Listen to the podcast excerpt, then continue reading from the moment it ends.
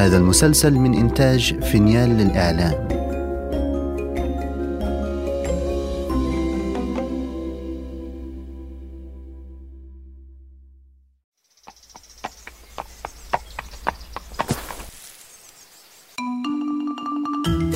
أنا سأحدثكم عن قصص جحا.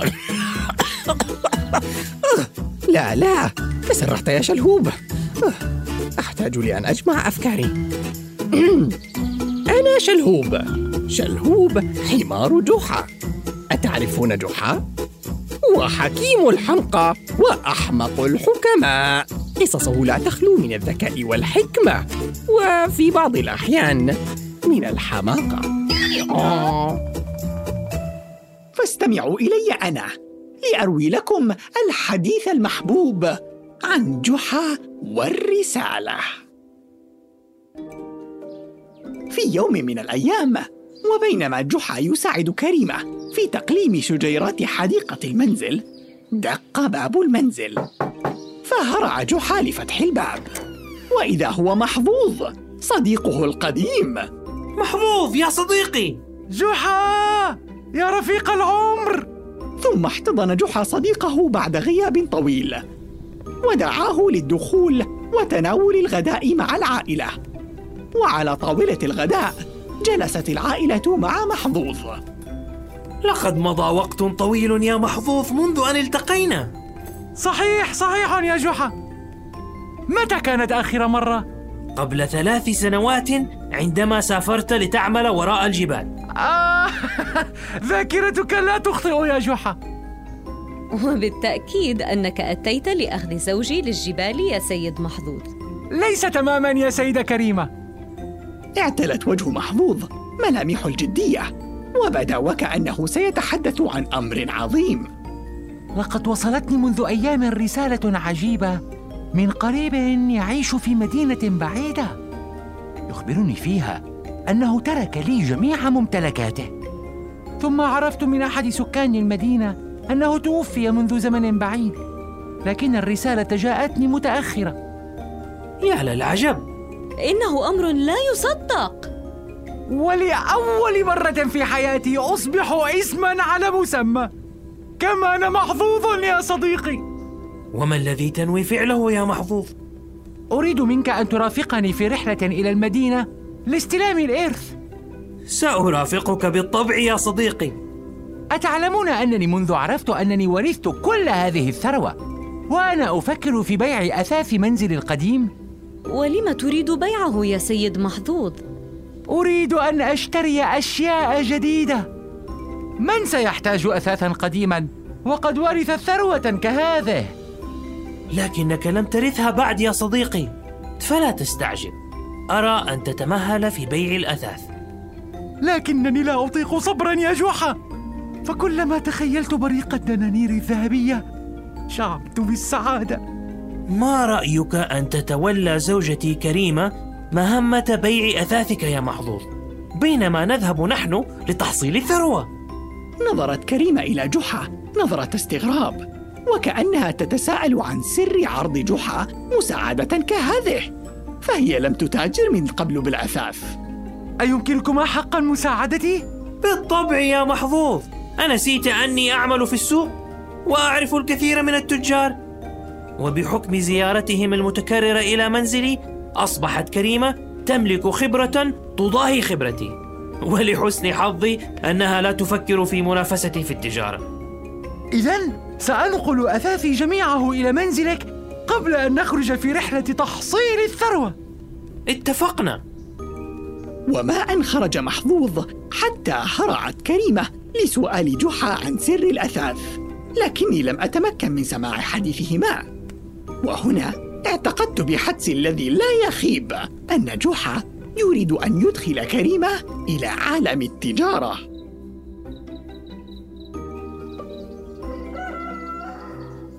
وفي اليوم التالي جاءت لزيارة منزل جحا زوجة محظوظ مبروكة.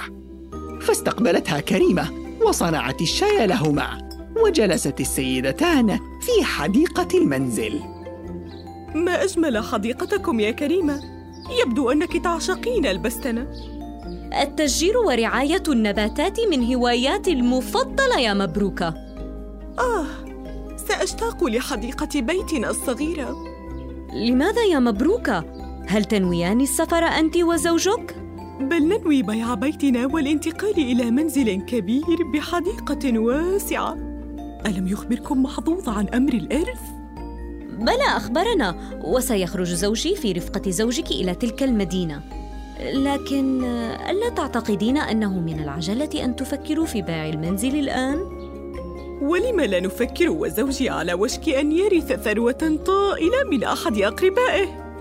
ما عنيته يا مبروكة أن منزلكم جميل ولا بأس في الإبقاء عليه الآن إلى أن تقرروا ما ستفعلونه إن الثروة على بعد أسبوع من الآن يا كريمة. شعرت كريمة أن مبروكة لن تفهمها فآثرت الصمت. ربما خوفا من أن تظن مبروكة أن كريمة تغار منها. وعلى ما ستغار منها؟ أيمكن أن يشتروا بتلك الثروة شيئا أثمن مني؟ وهكذا يا أصدقاء. وبعد يومين خرجنا أنا وجحا برفقة صديقه محظوظ إلى المدينة البعيدة. وفي الطريق قطعنا الطرق الطويلة والقصيرة والوعرة والمنبسطة. حتى وصلنا إلى المدينة البعيدة.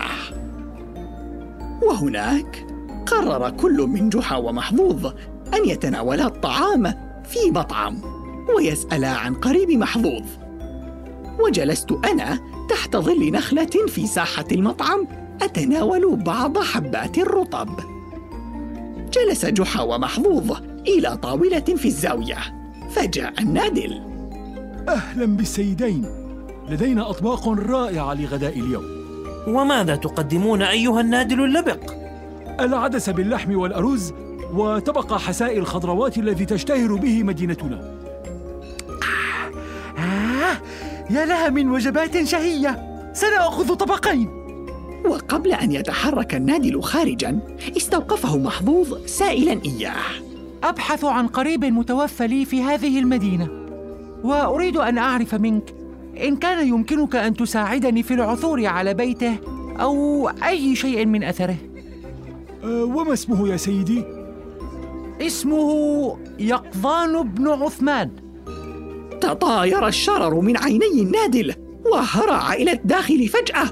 فنادى صاحب المطعم فجاء مسرعا. وإذا هو رجل عظيم الجثة طويل القامة بشارب كثيف جدا. واقترب الرجل من طاولة محظوظ وجحا وصاح في محظوظ. هي أنت قريب يقظان؟ نعم. وهل تنوي دفع حساب ما تناولته؟ أم أنك ستهرب دون دفع ما عليك مثله؟ وقع الكلام كالصاعقة على رأس محظوظ المسكين فأخرج هميانه وهزه قليلا فتدخل جحا لتهدئة الرجل الغاضب لا تقلق يا سيد إنه يملك المال لدفع ثمن الطعام إذا فلتنقذني مستحقاتي من ديون قريبك وما علاقتي أنا لأنقذك؟ ألست قريبة؟ سحب محظوظ جحا وخرجا من المطعم قبل أن يتناولا شيئا. ومشى محظوظ وهو يتمتم. لا لا لا لا لا لا. لابد أن هناك خطأ ما. فلا يمكن لقريب الثري أن يعجز عن دفع ثمن وجبة في مطعم بسيط كهذا. أف يا له من رجل فظ صاحب المطعم هذا. ومر جحا ومحظوظ بقرب بستان وارف الظلال مملوء بالشجر. فالتقط كل من جحا ومحظوظ عناقيد عنب من الدوالي المنتشرة في كل مكان. وسحب جحا عنقودا ووضعه في فمي. فوجدت طعمه لذيذا سكريا. وبينما نحن نستمتع بتناول العنب سمعنا صوتا غاضبا يصيح. لصوص! لصوص! ويحكم ماذا تفعلون؟ أتسرقون العنب من بستاني؟ اقترب الرجل الذي يحمل عصا بيده من جحا ومحظوظ في غضب فتحدث جحا سامحنا يا سيدي لكننا كنا جياعا فلم نفكر حين التقطنا عنقودين من دوال العنب ثلاثة عناقيد وإلا فما هذا الذي يلوكه حمارك البليد في فمه؟ يا له من مزارع فظ ألم يتعلم في حياته آداب مخاطبة الحمير؟ هنا رد جحا بأدب في محاولة لامتصاص غضب المزارع العصبي ثلاثة عناقيد ويمكنني أن أنقدك ثمنها يا سيدي ومن قال أني أريد ثمنها منكما يا هذان؟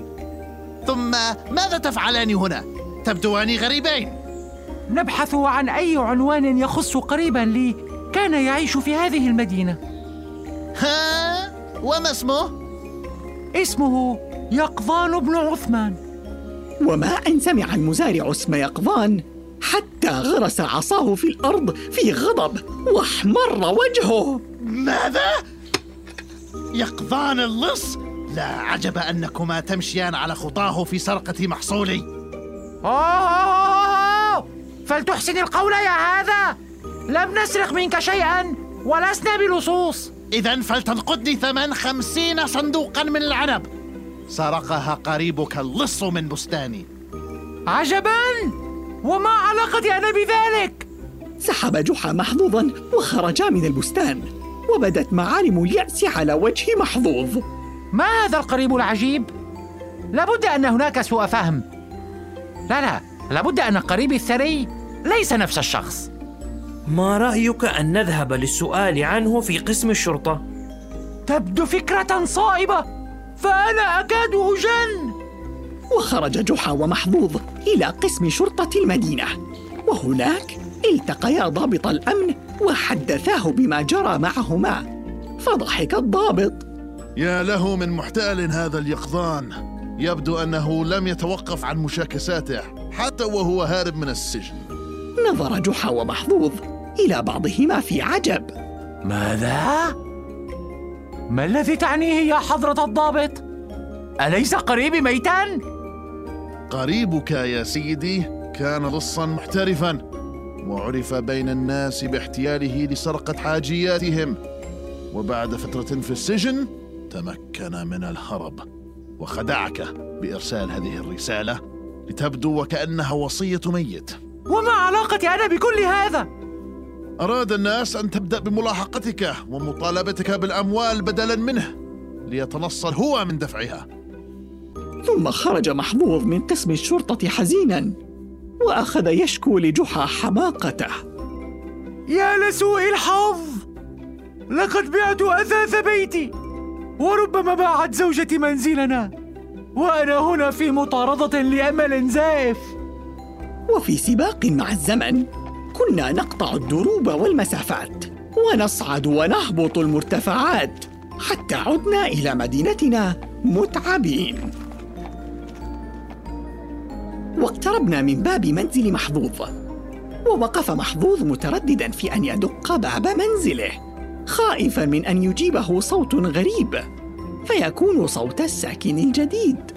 لكن جحا شجعه وقال هيا يا محظوظ. اطرق الباب. ودق محظوظ باب بيته. من يطرق الباب؟ آه الحمد لله الحمد لله. فتحت مبروك الباب واستقبلت زوجها بابتسامة واسعة فاحتضنها وقال الحمد لله أنك لم تبيعي المنزل. لقد كانت الوصية خدعة لص يا مبروكة ولم نرث شيئا. تبددت كل أحلام مبروك بالثراء. في لحظة فصاحت. أوه يا للحسرة. الحمد لله أن كريمة منعتني من بيع البيت بحجة أنه يستحق أكثر من الثمن المعروض. وهنا رأى جحا أن الظرف مناسب ليخبر صديقه محظوظ بخطته التي أدهشتني أنا أيضا. كما أني يا محظوظ لم أعرض أثاثك للبيع وأوصيت كريمة أن تحتفظ به حتى نعود لأني حسبت حسابا ولو ضعيفا للمجهول. انفرجت أسارير محظوظ واحتضن جحا وهو يردد. أنت أفضل أصدقائي يا جحا. أفضلهم. وبالفعل كان محظوظ اسما على مسمى ليس بسبب ثروات وهمية بل بسبب صداقته مع جحا ومعي أنا طبعا. فبالرغم من تسرعه بالتضحية بالنعم التي في يديه في سبيل غنى غير مؤكد لم يخزر محظوظ ممتلكاته لأن لديه صديقان ماكيران مثلي أنا وجحا لمساعدته وضمان مصلحته.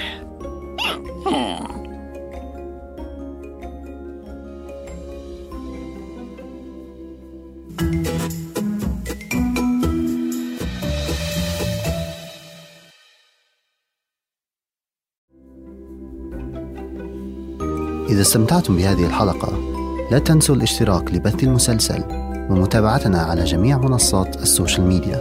التفاصيل في وصف الحلقة.